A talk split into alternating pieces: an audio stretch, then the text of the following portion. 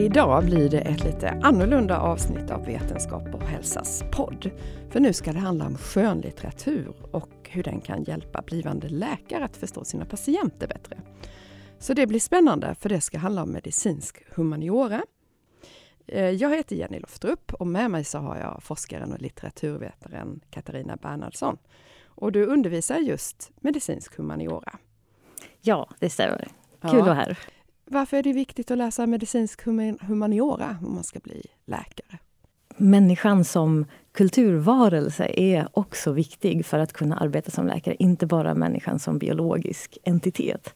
Eh, så att kunna ta in en mängd olika perspektiv hjälper de här studenterna att få nya kontexter, nya sammanhang, nya insikter. Och framförallt jobbar vi väldigt mycket med olika perspektiv.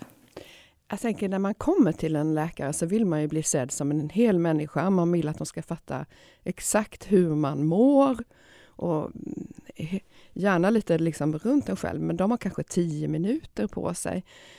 Menar du att det här att man kan liksom läsa om eh, fiktiva karaktärer, människor, eh, olika åldrar, olika tider, olika samhällen och att det kan göra att man får en bredare förståelse för den här människan man har framför sig?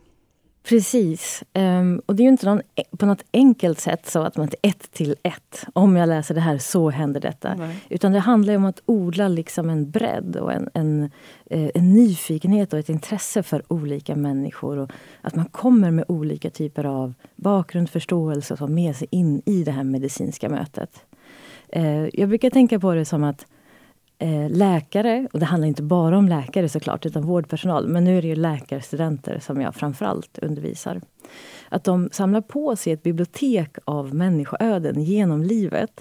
Mm. Men genom att eh, läsa litteratur så kan man eh, bygga på det här biblioteket. Eh, dels i förväg, alltså innan man har gjort alla de här misstagen och varit ute i, i eh, kliniken. Men också under tiden med en massa perspektiv som man annars kanske inte hade nått.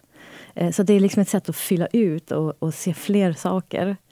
Eh, mm. Men sen det som är viktigt för mig i mitt arbete, det är ju inte bara själva läsandet. Att om man läser så händer någonting. Utan det är ju själva samtalet också. Att man i grupp diskuterar och ser nya saker som man inte annars hade sett i de här texterna, i förståelsen av de här människorna.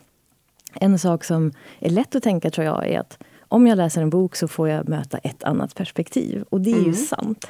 Alltså att man möter personerna i boken då? Precis, mm. och, och liksom kan få inifrån perspektiv från andra människor. Och det är ju fantastiskt. Men det som händer i de här grupperna när vi diskuterar litteratur, det är den här aha-upplevelsen av att alla mina kursare ser helt andra saker i den här texten än vad jag gör. Så det liksom är många fler perspektiv än man kanske tror som blir relevanta. Man blir kanske lite medveten om hur man själv reagerar på ja, men, olika öden och händelser. Precis. Jag, jag, tänker, jag tänkte ta ett exempel. Ni läser bland annat Michail Bulgakovs Ett bakvänt dop. Och då handlar ju det om en ung läkare på ryska landsbygden.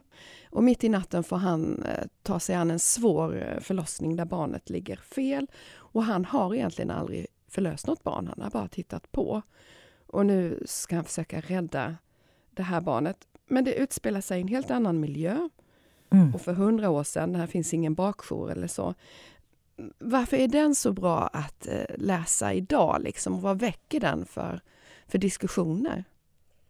Ja, den är rolig att läsa, delvis för att den är i en annan tid och på en annan plats. För att ibland så kan man få syn på, genom vad som är likt och olikt, så kan man få syn på sin egen roll och sitt eget sätt eh, att agera eller känna. För att han är ju väldigt, han brottas ju där med sin osäkerhet och sina tvivel och det enda han har, han har sina böcker men han har liksom ingen erfarenhet. Han slår i sina böcker och försöker, hur ska jag nu rädda det här barnet? Precis, och vad, vad böckerna säger är såna här generella, allmänna saker som att eh, det kan leda till sorgliga konsekvenser. Och i hans konkreta tillvaro där han behöver rädda ett specifikt barn så hjälper det inte så mycket att veta att det kan generellt sett ha sorgliga konsekvenser. Så att det finns en diskrepans mellan vad den här lärobokens generella kunskap och det här praktiska, att han här och nu behöver eh, ta hand om en speciell patient. Eh, så där brukar vi prata om den fronetiska kunskapen, alltså fronesis, ett av Aristoteles kunskapsbegrepp som är liksom här och nu. Ett kliniskt omdöme i möte med en specifik person, en specifik patient. Hur man agerar då. För det här är liksom roller, de läser till läkare och när man kommer ut då har man inte så mycket erfarenheter så är det att man kan också känna igen sig i den här eh, osäkerheten. Ja, alltså den här novellen är otroligt fin tycker jag. Därför att vi är så mycket i den här läkarens olika känslor och vad han tänker att han kan och inte kan och vad han får ge uttryck för att, med osäkerhet. Eh, så det som är spännande är att jag har läst den eh, med eh, läkarstudenter och läkare på olika nivåer och det spelar ingen roll alla känner igen sig. Därför att det finns hela tiden den typen av upplevelser av att, att stå och faktiskt inte kunna... Alltså, överläkare lika väl som läkarstudenter på termin 6 har liksom ett utbyte av den här texten. Och snarare växer kanske igenkänningen och förståelsen ju mer erfaren man blir. Så det är inte så att det är något slags nybörjarstadium och sen så lämnar man det. Utan, utan de här, den här problemen, de här svårigheterna finns kvar i det här yrket. Och så blir alla lättade när barnet eh, klarar sig, även om det bara är en, en, en bok. Precis. Och där är ju då, när man lyfter in en litterär text in i ett kursflöde så är alla medvetna om att nu läser vi den här novellen utvalt på läkarprogrammet. Så det kan vara en del som tänker det här kommer gå illa för att vi ska lära oss någonting av det. Men det är ju tvärtom. Att det finns en, en viktig lärdom i att osäkerhet finns där och går att hantera och utan att, utan att det är ett problem i yrkesrollen. Men den här medicinska humanioran, hur är den tajmad liksom i utbildningen? Är det när man går på praktik eller? Alltså det är en jättebra fråga och där finns det ganska mycket diskussioner om var passar egentligen bäst. Och det vi har gjort, eh, det är att vi droppvis gör saker under utbildningens gång. Till exempel det exemplet med Bulgakov. Det är då när de har varit ute på sin första längre eh, praktik. Och sen så framåt slutet på utbildningen så finns det fler eh, och då valbara fördjupningar. Så man kan till exempel skriva sitt magisterarbete i medicinsk humaniora. Och så finns det en kurs. Så man kan, så man kan gå fem hela veckor med bara humaniora på läkarutbildningen. Alltså, och inte bara humaniora i allmänhet utan mer den här medicinska riktningen. Alltså att reflektera kring sin yrkesroll, kring sin utbildning, kring var man står eh, inför eh, patienter och sjukdom. Och det avslutar då de här studenterna utbildningen med. Så dagen efter att de har gjort examination hos mig så är de i domkyrkan och får sitt eh, diplom och är färdiga läkare. Då är de redo. Vad tycker de om den här kursen då? För den är ju väldigt annorlunda mot eh, tänker jag, resten av... Absolut, den är väldigt annorlunda och på många sätt så tror jag att det är en av dess styrkor. Utbildningen är ju otroligt intresserad av att man ska reflektera. Men här får man utrymme, tidsutrymme på ett annat sätt för att verkligen genuint reflektera med hjälp av det här materialet som är dels litteratur men även till exempel historiska perspektiv, antropologiska perspektiv, film och så vidare. Och studenterna är otroligt positiva. Och för mig är det ju helt fantastiskt. Men samtidigt så får man vara medveten om såklart att det är studenter som har särskilt valt den här kursen. Så man ska inte allt för mycket kanske klappa sig på axeln. Och så. Men, men det är ganska vanligt att de tycker att det, att det är liksom en av de bästa kurserna. Och just för att den på något sätt tar det här helhetsgreppet om yrkesrollen. Jag tänker den här läkarrollen, alltså läkare porträtteras ju ofta i filmer och böcker som någon slags eh, hjältar eller till och med halvgudar. De orkar hur mycket som helst och de kan liksom jobba dygnet runt. De är alltid redo att rycka ut liksom på akuta fall och man får inte missa någonting eller bli förkyld. Alltså, den här rollen, eh, är, är de eh, stressade av den? Ja, kanske inte så mycket hjälterollen. Det finns säkert där också. Utan jag tror att de är rätt så stressade, som jag förstår det, från alltså en bild som de ser dels i medierna och dels möter i verkligheten av väldigt mycket stress och press. Eh, så man vet att man går in i ett ganska tufft arbete. Eh, och att då liksom få stanna upp innan det är dags och tänka på det här lite djupare sättet. Eh, jag tror att det kan betyda en hel del att kunna ta med sig. Men om man tittar på de här ögonblicksbilderna som är själva kursvärderingarna. Eh, då så, eh, så talar de just om sånt som att få reflektera på riktigt kring läkarrollen och patientmötet och döden och livet. Alltså det är de stora frågorna ju på många sätt. Som ju finns där så mycket men som det inte är så lätt att alltid ge utrymme i utbildningen.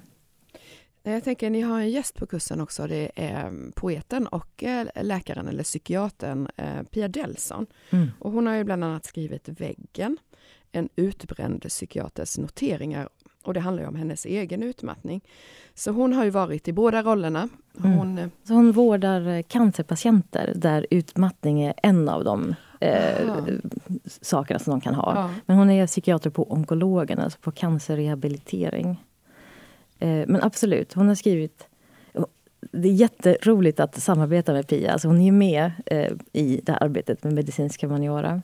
Och hon har skrivit en bok som heter Klinisk blick och som är som reflektioner från den unga läkarens perspektiv. Och sen Väggen som du nämnde, eh, ja. om att själv vara sjuk. Och sen så en tredje bok som heter Sovsjuk som handlar om att vara anhörig till en son som drabbades av narkolepsi efter svininfluensavaccineringarna. Eh, så att, så att hon har liksom den här triaden av liksom läkarperspektivet, anhörigperspektivet och den sjukas perspektiv.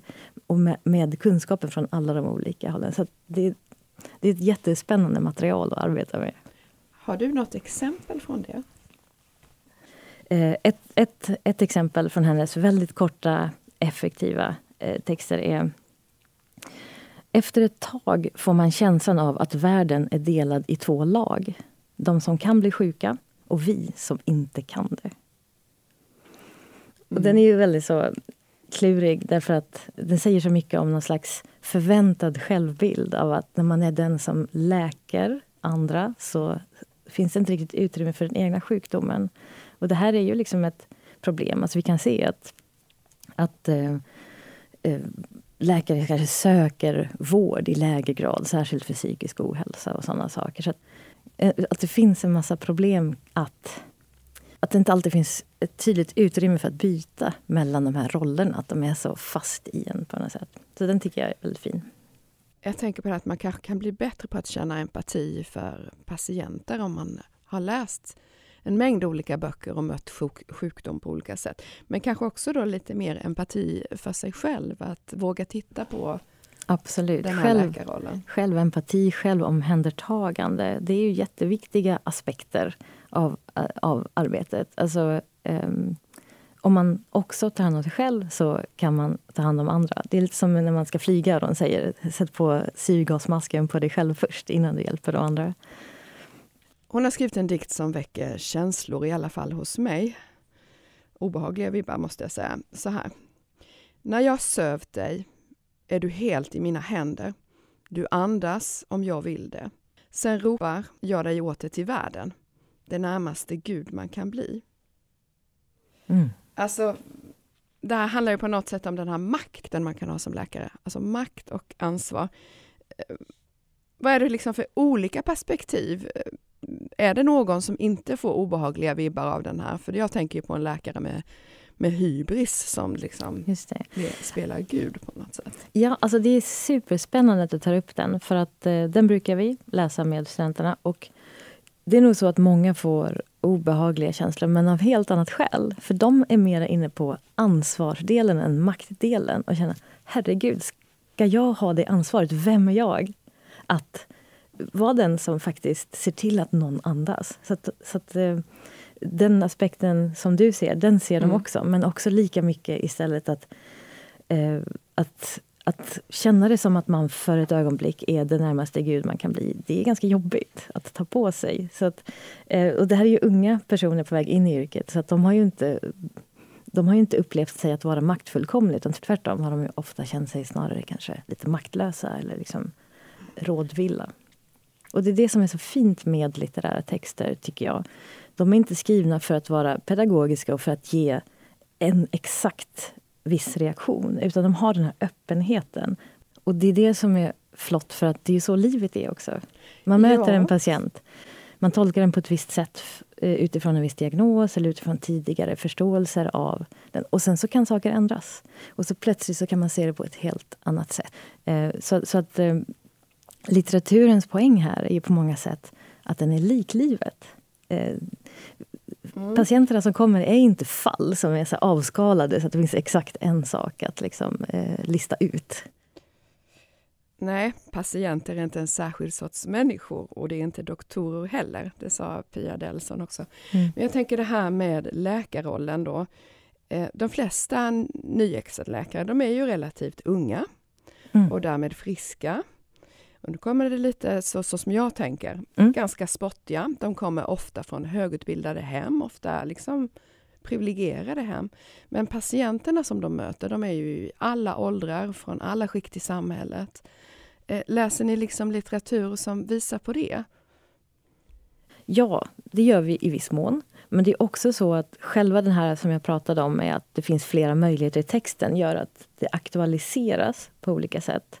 Även i texter där det inte är just så tydligt att här har vi ett annat ursprung eller en annan eh, socioekonomisk status eller så. Utan, utan de frågorna kommer upp oavsett vad texterna säger. För att sättet som vi jobbar med litteratur är att vi, vi också tar vara på det som studenterna utifrån sina erfarenheter associerar till eller ser i texten. Eh, men absolut, det är en jättebra poäng eh, att eh, man kan inte begära att alla läkare ska förstå alla människor helt och hållet eller så. Men, men bara att sätta sig in i att världen kan se helt annorlunda ut när man är 50 år äldre och har en annan förståelse med sig från sin vardag om, som man sätter in den här sjukdomen i sitt eget sammanhang. Jag tänker patienter är ju också väldigt, mm, kommunicerar ju olika. En del har läst på massor och har redan diagnostiserat sig själva och kommer med, kan beskriva varenda symptom. Medan eh, andra kulturer eller kanske det finns kanske ett äldre garde som kanske fortfarande inte vill klaga för mycket och, och så. Liksom. Precis, och man tänker sig då att de här seminarierna där man kan vända och vrida på eh, människor, texter, perspektiv. Att det blir som, då har man med sig det i kroppen. Alltså man har gjort den här typen av förflyttningar i, men hur ser det ut om man ser det på ett helt annat sätt? I ett läge som inte är akut utan som är liksom eh, utforskande eh, tillsammans. Och då tänker jag att då man, kan man ha med sig det in i de här plötsliga, akuta situationerna där man har en person framför sig. Att man helt enkelt har jobbat med den typen av eh, perspektiv i förväg. Jag tänker jag måste ta ett exempel från Kafka också, för mm. det har ni också läst på kursen. Och då tänkte jag läsa en av de mest eh, världskända inledningarna som finns på en bok. Och det är då Kafkas Förvandlingen som börjar så här. När Gregor Samsa vaknade en morgon ur sina oroliga drömmar fann han sig liggande i sängen förvandlad till en jättelik insekt. Vad handlar detta om och liksom, hur kan det här ge en insikt om sjukdom då? För han är ju då han är ju fast i sin kropp helt enkelt. Och det har Precis. hänt det här helt osannolika. Precis, det Kafka gör här, det här är en fantastisk lång novell eller kortroman. Eh, det är att det börjar med detta faktum att Gregor Samsa upptäcker att han har blivit en insekt. Vilket är helt osannolikt. Och efter det så, så är allting väldigt naturalistiskt. Alltså, eh, han tar det för givet, nu är det så här, nu är jag en insekt. Och hur ska jag nu lyckas ta mig till jobbet? Jag kan inte öppna dörren, jag kan inte eh, tala. Vilket, vilket är ett problem för att han är väldigt nervös över att han inte ska hinna till jobbet i tid. Den här absurda premissen att eh, att han har blivit förvandlad till en insekt. Följs sen upp av liksom, hur ska man hantera det? Eh, och det finns ett, en dynamik med familjen. Med välvilja att försöka ta hand om Gregor och en väldig ilska, frustration och avsky mot den Gregor har blivit. Så att vi har, det handlar absolut inte om sjukdom, men det finns de här tolkningsnivåerna. Alltså, vad händer om vi ser den här novellen som att Gregor har en skamlig sjukdom eller att han har blivit deformerad. Eller att det är någonting som gör att man måste gömma honom för världen. Man vet inte hur man ska ta hand om honom, man förstår inte honom. Så man kan liksom fundera kring tolkningar gentemot liksom demens eller andra typer av sjukdomar. Utan att den handlar om det. För det handlar ju om Jag massa saker. Som att man eh, hamnar i rullstol, man får en stroke, man kan inte prata, man Mm. kanske inte kan röra sig. Men eh, att det liksom finns den här möjligheten att genom att den här texten inte handlar om sjukdom på ett tydligt sätt och absolut inte om en specifik sjukdom så kan vi överföra den till olika typer av eh, sjukdomssituationer. Och just det här med hur familjen förändras och blir allt mer frustrerade över honom. Det är väldigt sorglig, eh, sorglig utveckling. Eh, det finns ett, en fin kommentar om eh, den här novellen att eh, man kan se det som att Gregor Samsa förvandlas till en insekt eller som att hans familj förvandlas till odjur. För att de blir Ja. allt mindre mänskliga i hur de ser på honom ju mer han liksom beter sig som en insekt. Mm. Så det finns otroligt många dimensioner där. Det är en väldigt spännande novell. Ni läser också självbiografier om sjukdom och död. Och det är en genre som har funnits tidigare men som växte sig väldigt stark under 2000-talet. Och nu kommer det hela tiden nyskrivna böcker Mm. eh, av människor som blir sjuka och ibland dör. Varför tror du att den här eh, genren är så stark nu? För sjukdom har ju alltid funnits och den drabbar oss alla förr eller senare. Ja, det är en väldigt intressant fråga. Och jag tror att den har flera svar, såklart. Så är det ju alltid. Eh, men bland annat så har vi ju eh, hela kulturen gått emot att vi intresserar oss för människors egna liv. Och att människor berättar just sådana självbiografiska berättelser. Inte bara om sjukdom, utan om alla möjliga olika saker. Men framför allt, den största faktorn tror jag är en känsla av att det inte riktigt finns utrymme för den här typen av berättelser i vården.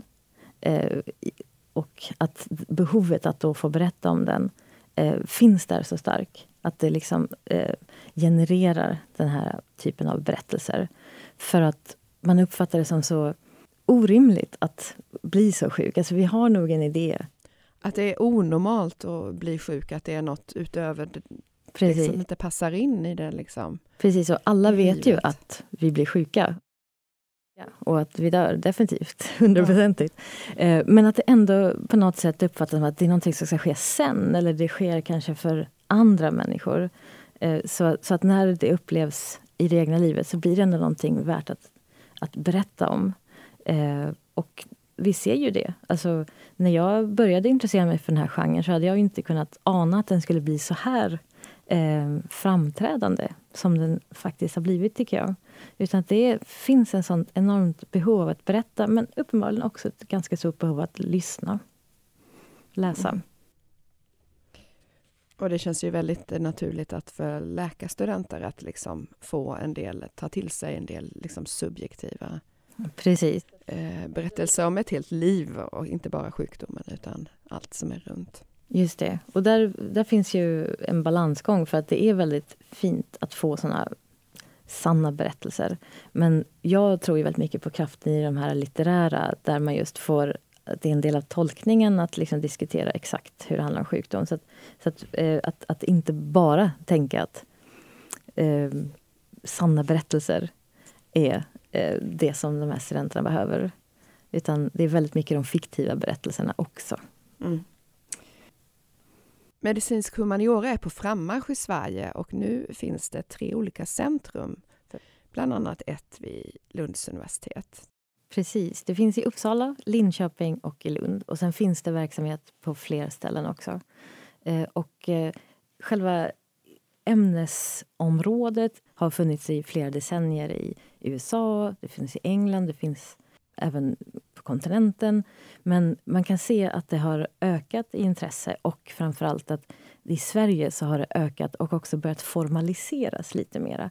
Så det har alltid funnits fantastiska forskare som har varit engagerade i eh, medicin ur humanistiskt perspektiv. Men nu så har det formaliserats och bildats de här centrumen som då alltså har kommit till från 2020. Så det är en ny företeelse att det har blivit så pass mycket satsat på. Och i Lund, där vi har startat Birgit Rausing centrum för medicinsk humaniora. Mm. Eh, och det är ett sätt att liksom verkligen, vi vill profilera eh, universitetet och utbildningarna och Vi har som ett uttalat mål att även om den här verksamheten har börjat på läkarutbildningen så ska den inte stanna där utan vi vill liksom finnas med i de olika professionsutbildningarna som har just den här människoinriktningen. Och det är inte bara medicinsk fakultet, det finns även på samhällsvetenskaplig fakultet. Men det är rätt mycket placerat på medicin och centret är placerat på medicinska fakulteten.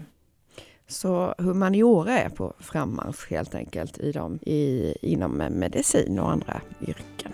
Mm. Jag tänker att det här får runda av den här lite annorlunda podden från Vetenskap och hälsa.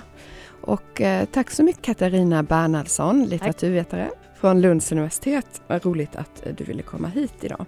Tack så mycket, det var jättekul att vara här. Mm. Tack så mycket.